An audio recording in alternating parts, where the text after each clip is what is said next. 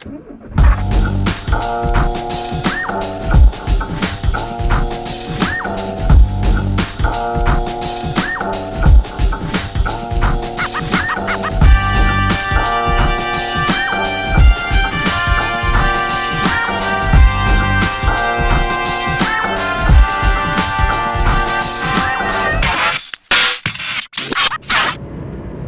dobry. Po długiej przerwie. E, Dziś będzie, żeby Was tak od razu zainteresować, będzie o rumuńskiej Tesli z Polski E, i będzie o samochodach e, o dźwięku puszczanych bąków i może jeszcze o czymś będzie, jeżeli mi się przypomni w trakcie. Odchodzę trochę chyba od tej formuły mówienia na jednym odcinku o jednym temacie. Właściwie to nawet nie chyba, tylko na pewno, dlatego że któryś tam odcinek, e, właśnie taki, przesłuchałem sobie sam. No i zasnąłem. E,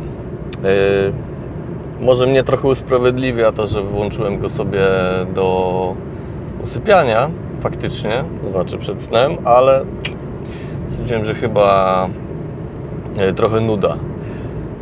Więc będzie może dzięki temu też częściej, bo prawda jest też taka, że temat, który by był w stanie zapełnić e, takie 20 czy 30 minut gadania, też się nie zdarza jakoś bardzo często. E, Dzięki temu może będzie krócej, ale e, częściej. Dzięki temu, że te tematy będę ze sobą łączył. Więc przejdźmy do y, rumuńskiej Tesli z Polski. Kto śledzi portale motoryzacyjne w Polsce, ten pewnie już się domyśla o czym mówię. E, czym jest y, rumuńska Tesla z Polski? E, jest nią Dacia Duster. Jest nią Dacia Duster, mm, a to dlatego, że jak wspomniałem na wcześniejszym odcinku, to w sumie też nie jest żadne odkrycie i żadna wiedza nagle od, odsłonięta y, ludzkości. E, Wszystko, o czym mówi Elon, jest od razu podchwytywane przez pół świata motoryzacyjnego i y, ilość artykułów pojawiających się e, w nawiązaniu do tych informacji wydaje się nie kończyć. No i u nas od pewnego czasu, właściwie to się zaczęło w tym roku, jakoś końcówką zimy, początkiem wiosny, e, ale trwa nadal i wydaje mi się, że się nasila aktualnie. Dacia Duster jest takim polskim Elonem czy polską Teslą, czyli tematem, który pojawia się w mediach codziennie motoryzacyjnych e, i tematem, który jest poruszany w kontekście czegokolwiek. Właściwie codziennie teraz są informacje o tym, że Dacia jest liderem rynku, jeżeli chodzi o odbiorców indywidualnych, że Dacia zdetronizowała tego albo owego, że Duster e, jest dostępny z takim silnikiem, a teraz będzie dostępny z takim, a później to może będzie dostępny jeszcze z innym silnikiem, ale nie wiadomo w sumie kiedy. To już jest wystarczająco dużo, żeby napisać o tym newsa. Yy, albo że najbardziej interesujące akcesoria do Daci Duster. Yy, I to akurat kliknąłem, bo stwierdziłem, że akcesoria do Daci Duster to może być coś niezłego. No więc to było akurat artykuł. Znowu, to chyba nie był artykuł, nie jestem dziennikarzem, ale wydaje mi się, że dwa akapity tekstu po trzy linijki i pięć zdjęć to chyba jeszcze nie jest artykuł, a właśnie czymś takim było to coś. E, No więc e, ten oto artykuł mówił o tym, że interesujące akcesoria do Daci to szósty fotel w bagażniku. Tak, jeden, jeden, nie że y, kanapa, gdzie jest szóste i siódme miejsce, tylko jeden fotel montowany w bagażniku dla jednej osoby. Oprócz szóstego fotela, na przykład podświetlane logo Renault. Tak, Renault, Renault, bo Duster y, na wielu rynkach jest sprzedawany jako Renault, wcale nie jako Dacia. Eee, no i co się okazało, to był artykuł o tym, jakie są interesujące akcesoria, ale niedostępne na rynku europejskim. Albo że Dacia e, Duster ma nową reklamę w nowej scenerii. I w tej reklamie jest śnieg. I w tej reklamie ta Dacia jedzie. I śnieg pada. I tak w ogóle to jest reklama na Indię. E, jest niesamowite. E, Do pewnego momentu e, te informacje o Dacia Duster zaczęły mnie irytować i trochę męczyć. Ale ostatnio stwierdziłem, że to jest super zabawa, żeby śledzić te informacje. E, Może się nauczę czegoś, e, jeżeli chodzi o pozycjonowanie na clickbaitowe mm, artykuły i tytuły. Bo przecież pewnie takie właśnie tytuły powinienem dawać odcinkom, żebyście wszyscy w to klikali i żeby e, dalsze miliardy słuchających były. E, Rozważam to, rozważam, śledzę, uczę się e, od Daci. Na pewno z tego wyniknie coś dobrego. No ale, czy jest coś w tym, że o tej Daci wszyscy tak mówią? A no, jest coś w tym, bo jest samochód, generalnie rzecz biorąc, zważywszy na cenę i relację tej ceny do tego, co oferuje ten samochód, to rzeczywiście ten Duster jest e, ciekawą opcją, bo co, najtańsza wersja, jeżeli dobrze się orientuję, kosztuje 40 tysięcy złotych. E, Wiadomo, że nie ma nic w wyposażeniu, no ale to jest kompakt za cztery dyszki z prostą, mm, mm, chwilami prymitywną technologią Renault, ale sprawdzoną za to, w miarę bezawaryjną. Dla ludzi, którzy po prostu potrzebują samochodu, czemu nie w sumie? Mm, Wielkim atutem Dustera w obecnej generacji jest to, że on zaczął też wyglądać jakoś. Bo jedynka Dustera, trzeba przyznać, że wyglądała dość, yy, powiedziałbym, przypadkowo. To znaczy, design wydawał się być przypadkowy. Proporcje wydaje się, że były niezbyt przemyślane. E, Ale ta druga generacja, nie różniąc się jakoś szczególnie w stosunku do pierwszej, e, dużo zyskała. Przód przeprojektowany, który zaczął sensownie wyglądać, tył przeprojektowany, który też zaczął sensownie wyglądać. Linia boczna, która w gruncie rzeczy niewiele się zmieniła, ale jednak ze względu na ten trochę inny kształt przodu y, sporo zyskała, stała się jakaś taka bardziej jak samochód, a mniej jak mm, karton. E, więc ja to rozumiem, że ludzie sobie te dacie kupują, zwłaszcza, że teraz jest moda na suwy. Więc nie dość, że najniższa cena to jeszcze SUV, trudno się dziwić, że ludzie to kupują. Tyle o Daci.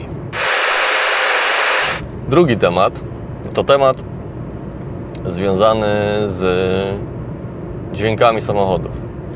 Kiedyś było tak, że byłem na jakiejś mm, demonstracji. Kurczę, to nie była demonstracja, to była jakaś impreza masowa, yy, ubezpieczana przez policję, tam się tłumy zbierały. Nieważne. Byłem wtedy dzieciakiem i byliśmy tam z kolegą w tłumie gapiów. Staliśmy sobie przy barierkach. No i w pewnym momencie słyszeliśmy, usłyszeliśmy jakiś tam samochód na sygnale jadący i tak między sobą e, mówimy, że oto e, policja, e, pewnie Vento albo Passat albo Polonez. Nie pamiętam co to było. Nieważne. I obok nas stali policjanci. Się odwrócili jak usłyszeli to co mówimy. Popatrzyli na nas, my takie łebki dziesięcioletnie. Popatrzyli na nas zdziwieni. I powiedzieli, skąd wy to wiecie? No przecież i my na to, że przecież to jest oczywiste, to od razu słychać, że to Polonez, czy tam Nyska albo Vento. E, Wzięło się to stąd, że akurat tak się złożyło, że e, urodziłem się niedaleko komendy wojewódzkiej policji i mieszkałem tam przez całe dzieciństwo, młodość i nie tylko. E, Więc na pamięć znałem i na słuch byłem w stanie rozpoznać, e, jaki, jakie koguty czy jaki dźwięk wydawały poszczególne e, samochody policyjne. Taki skill, bezużyteczny zupełnie, ale jak się było dzieciakiem, to można było się licytować też na dźwięki silnika i rozpoznawać, czy jedzie taki samochód, czy inny. Teraz wydawałoby się, że sytuacja robi się trochę smutniejsza dla takich dzieciaków.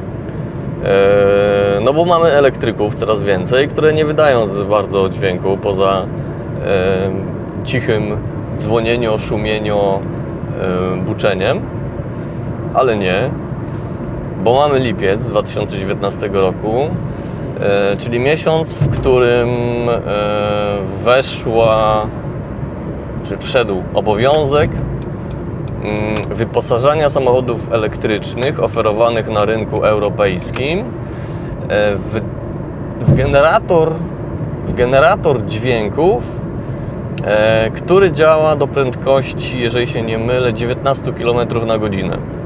Czyli po prostu w głośniki, e, które emitują jakiś tam dźwięk, który ma ostrzegać pieszych, że nadjeżdża samochód elektryczny, który rzeczywiście przy niskich prędkościach jest niemal bezgłośny. Młodsi ludzie pewnie nie mają z tym żadnego problemu, żeby usłyszeć e, ten charakterystyczny cichy gwizd połączony z szumem, no ale starsi ludzie, e, i to nawet nie, że wcale w podeszłym wieku, plus niepełnosprawni, e, niewidomi, e, no jakby mogliby mieć z tym problem, żeby się zorientować, że jeździć na samochód. Bezpieczeństwo i tak dalej. Spoko, rozumiem to. Mm, No więc te samochody od lipca y, muszą być wyposażone w takie systemy, żeby mogły być sprzedawane w Europie. No i teraz pojawia się fala filmików e, od wszystkich producentów elektryków, gdzie prezentowane są dźwięki e, opracowane przez konkretnych producentów. Bo ustawa czy wymóg nie definiuje, jaki to ma być dźwięk. Tutaj jest pełna dowolność, więc producenci chętnie z tej dowolności skorzystali. E, No i wydaje się, że każdy ma swój własny dźwięk. E, Nissan Leaf na przykład, najpopularniejszy elektryk, ma taki dźwięk odkurzaczowato promokosmiczny. W sumie przypomina- przypominający dość mocno zwyczajny taki y, standardowy dźwięk samochodu elektrycznego, tylko tak jakby wzmocniony albo podkręcony delikatnie. E, Mercedes zaprezentował e, dźwięk osobny dla, wyobraźcie sobie, Europy i Stanów Zjednoczonych. E, Na Europę ma dźwięk bardziej przypominający silnik spalinowy, a na Stany ma też taki bardziej odkurzaczowy, z ucha podobny w zasadzie do niczego. E, BMW i3 też ma jakiś tam taki szumiący. E, Jaguar I-Pace ma jakiś taki mm, dzwoniąco gwiżdżący. No generalnie rzecz biorąc, każdy z tych producentów elektrycznych e, ma jakiś tam swój własny. I teraz zastanawiam się, jak to działa, bo to, że oryginalny e, dźwięk per producent jest opracowywany przez akustyków zatrudnionych specjalnie do tego i ten dźwięk jest e, gdzieś tam presetem po prostu zaimportowanym do pamięci tego urządzonka czy jakiegoś prostego odtwarzacza, który ma go odtwarzać, to zastanawiam się, na ile łatwo będzie można ten dźwięk sobie podmienić. Bo tak sobie myślę, że jakbym miał takiego elektryka, to bym sobie na przykład wczytał tam dźwięk piły łańcuchowej. Albo bym sobie wczytał dźwięk karabinu maszynowego. albo bym sobie wczytał dźwięk kosiarki. Tak bym zrobił. E, I pewnie lada moment ktoś wymyśli sposób, żeby to robić. I cieszmy się tym momentem, dopóki e, ktoś z władnych nie uzna, że nie, nie, nie, to jest niebezpieczne, nie można sobie robić żarcików e, i to zostanie ustandaryzowane. Ale z drugiej strony, tak sobie myślę, że może wcale nie zostanie ustandaryzowane i może ten moment nigdy nie nastąpi z prostej oto przyczyny. Już mówię z jakiej. O, dobra. O co chodzi z samochodami elektrycznymi? Samochody elektryczne są generalnie rzecz biorąc nowością na rynku motoryzacyjnym. Podobnie jak w przypadku samochodów hybrydowych, oznacza to, że muszą być udziwnione. Yy, Pamiętacie pierwszego Priusa, który wyglądał, no dobra, najłagodniejsze słowo to pokracznie. On tak pewnie wyglądał w dużej mierze ze względu na wymogi projektowe. To były pierwsze kroki, więc pewnie jeszcze nie potrafili jakoś fajnie zabudować tych akumulatorów, więc samochód musiał być wysoki, mieć jakiś bagażnik nieproporcjonalny e, i w ogóle cała sylwetka, linia boczna była to, to były jakieś dramatyczne proporcje. No ale później była Toyota Mirai czy Mirage, jak to się czyta, tak się czyta, która w ogóle wygląda e, jakby była e, sklejona z dwóch tyłów samochodu. W związku z tym, że elektryki są nowością, muszą być udziwnione. W tym lub innym względzie, ale wydaje się to być naturalne, naturalną ich cechą. W ich przypadku najwyraźniej e, przejawia się to właśnie w tym dźwięku, e, który w tym momencie musi być oryginalny i każda marka musi mieć inny. I musi być kosmiczny, to nie musi być po prostu dźwięk, to musi być dźwięk. Mm, no więc wymyślają i kombinują. Tylko tak się zastanawiam, po co oni te dźwięki, które są zupełnie podobne do niczego, no muszą na siłę wymyślać. Przecież już teraz jest mnóstwo samochodów, dokładnie tych samych marek, które już teraz mają montowane głośniki służące do tego, żeby e, emitować dźwięk na zewnątrz. I to wcale nie są samochody elektryczne. Na przykład, jeżeli dobrze pamiętam, takie sobie Audi Q7 diesel ma y, głośniki pod tylnym zderzakiem, które emitują dźwięk V8 mięsistej benzynowej. Są głośniki na zewnątrz. To nie chodzi o to, żeby w środku było słychać. Chodzi o to, żeby na zewnątrz było słychać. Że co prawda kupiłem diesla, który robi ale zawsze chciałem mieć V8, więc żeby sąsiad słyszał, że mam V8, to Audi mi zamontowało głośniki za zderzakiem, żeby udawało V8. Więc skoro już teraz symulujemy głośnikami silniki benzynowe, no to dlaczego do tych elektryków nie zastosować tego samego? Po co wymyślać dźwięk odkurzacza połączony z suszarką e, i z pikaniem płyty indukcyjnej? Po co? Więc koniec końców podejrzewam, że właśnie takie pytanie sobie zadadzą e, projektanci i producenci. E, I koniec końców te elektryki będą po prostu e, sobie bulgotały albo brumiły, albo w inny sposób naśladowały zwyczajny silnik spalinowy, który jest dobrze znany, bo no bo tak, no bo, no bo po co? W pewnym momencie będzie na pewno boom E, gdzie wszyscy będą sobie, dopóki, tak jak mówiłem, będzie to legalne, będą sobie wymyślać e, co jeden to śmieszniejsze dźwięki, więc będziemy mieli na pewno dźwięki ze Star Treków, Gwiezdnych Wojen i innych cudów. Po czym się tym nasycimy i dojdziemy do punktu, w którym jesteśmy teraz z telefonami, czyli do punktu, w którym e, większość z nas ma domyślny dzwonek ustawiony na telefon, domyślny dzwonek na powiadomienie, e, i nikt już po prostu na to nie zwraca uwagi. Tak myślę, że będzie. Za długo o tym temacie mówiłem, więc żeby teraz Was trochę obudzić, przechodzę do ostatniego tematu.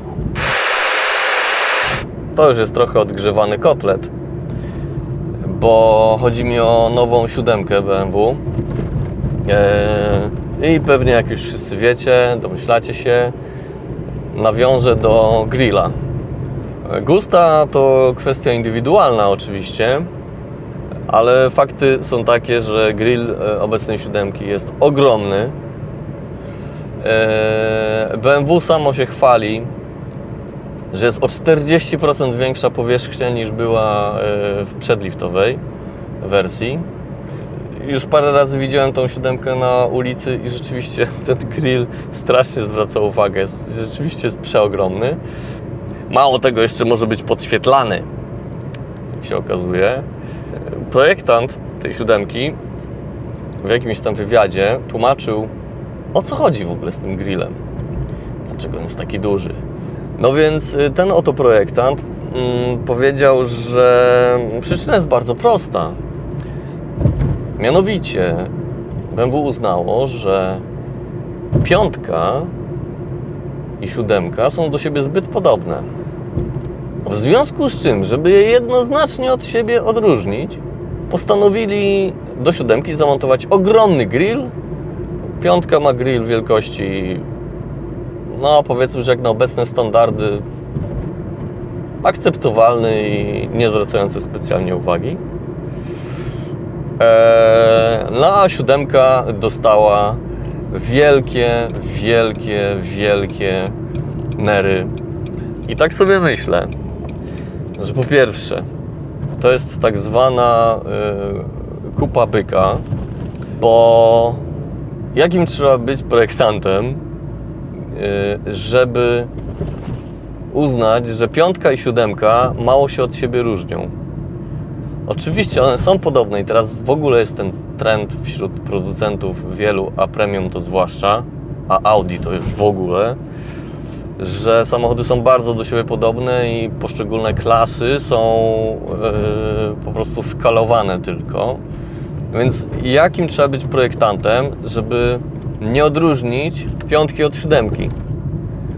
Naprawdę trzeba mieć yy, głowę w tym samym miejscu, w którym miał projektant Bentleya Bentaygi, czyli w najlepszym wypadku w papierowej torbie. Yy, oczywiście ten projektant nie ma głowy tam, gdzie wypadałoby uznać, że, że chyba ją ma. Ale to pogarsza dodatkowo sytuację, bo jakim trzeba być projektantem, żeby uznać w obliczu problemu, hmm, kurczę, mamy piątkę i mamy siódemkę. One są tak cholernie do siebie podobne. Co by tu zrobić, żeby je od siebie odróżnić? Wiem. Damy duży grill od razu będzie widać, że piątka to piątka, a siódemka to siódemka. One są kropka w kropkę takie same, ale jak damy jednej większy grill, to i z boku, i z tyłu, z góry, z każdej strony będzie od razu wiadomo, która to piątka, która to siódemka. Oczywiście, że też sobie ten projektant tak nie pomyślał, no bo nie trzeba wykonać jakiegoś bardzo skomplikowanego procesu myślowego, żeby dojść do wniosku, że jeżeli mam dwa identyczne samochody i jednemu zmienię tylko grill, to to nie zrobi wielkiej różnicy. No, prawda jest prosta. Te samochody wcale nie są identyczne. Piątkę można bez problemu od siódemki odróżnić, chociażby po y, długości maski. Siódemka ma maskę y, takiej wielkości, że no, patrząc z boku na nią, no nie da się po, po, pomylić jej z piątką. Bo w siódemce po prostu się musi V12 mieścić, maska jest długachna. Więc to oczywiście nie chodzi o to, że tych samochodów się nie da odróżnić. Chodzi po prostu o to, że my patrzymy na te nerki z perspektywy naszego rynku, my w Europie. E, I z perspektywy standardów projektowych, czy, czy stylistycznych, czy estetycznych, jakie u nas są przyjęte i uznajemy je za normalne. A to nie Europa przecież jest głównym odbiorcą takich samochodów. To już nie te lata. To jest fakt, z którym trzeba się oswajać. Em, My jesteśmy już teraz tylko dodatkiem do głównych rynków, więc samochody nie są projektowane z myślą o Europejczykach, tylko przede wszystkim z myślą o Azji, o Stanach Zjednoczonych, e, Rosji, e, jeżeli uznamy, że to nie jest kraj do końca azjatycki, mimo że jest. E, A tamtych, na tamtych rynkach taka stylistyka się podoba. Ostentacyjnych samochodów z wielkimi grillami, wielkich czołgów mm, i koniecznie sedanów. Taka jest prawda. Nie ma co się specjalnie obrażać. E, My po prostu dostajemy aktualnie, w sensie my w Europie, dostajemy mm, do salonów samochody nie dedykowane na nasze rynki i tyle. E, to swoją drogą jest ciekawe, że grille tak rosną. E, Trochę się też nad tym zastanawiałem. Nie wiem, czy będziecie mieli takie samo zdanie, ale doszedłem do wniosku, że przyczyna jest dość prosta. W ogóle rozrost grilli i znaczków umieszczanych na samochodach, e, bo wydaje mi się, że to trzeba rozpatrywać jedno z drugim. E, Rozrost tych elementów zaczął się w latach 90. Do lat 90. logotypy producentów były bardzo dyskretne i w zasadzie nie miały jakoś specjalnie przykuwać uwagi. E, Wręcz przecież na przykład tacy producenci jak Toyota nie mieli żadnego specjalnego znaczka. To znaczy często e, Toyoty miały po prostu prostokącik z napisem Toyota i to było oznaczenie producenta. I tyle im wystarczało. W latach 90. to się zaczęło zmieniać. Grille się robiły coraz większe. Przede wszystkim znaczki rosły. No i to sobie tak trwa i trwa i trwa. To teraz te, te grille rosną dlatego, że rosną samochody, więc proporcja się musi zgadzać. To jest oczywiste. Ale też y, popularność SUVów powoduje, że grille rosną, dlatego że zwiększają optycznie y, przód samochodu, a moda na SUVy oznacza, że y, jest moda na masywne samochody. No i pewnie, żeby te samochody osobowe, e, nie suwowe się sprzedawały, no to trzeba po prostu robić je coraz bardziej masywne, żeby też jakoś tam trafiały w aktualne gusta. W latach 70., 80. moda była na smukłe samochody, teraz jest moda na wielkie czołgi. Pewnie za 20 lat znowu będziemy jeździć smukłymi. No i co? I to tyle by było na dzisiaj. Miało być krótko, a wyszło w sumie wcale nie do końca krótko.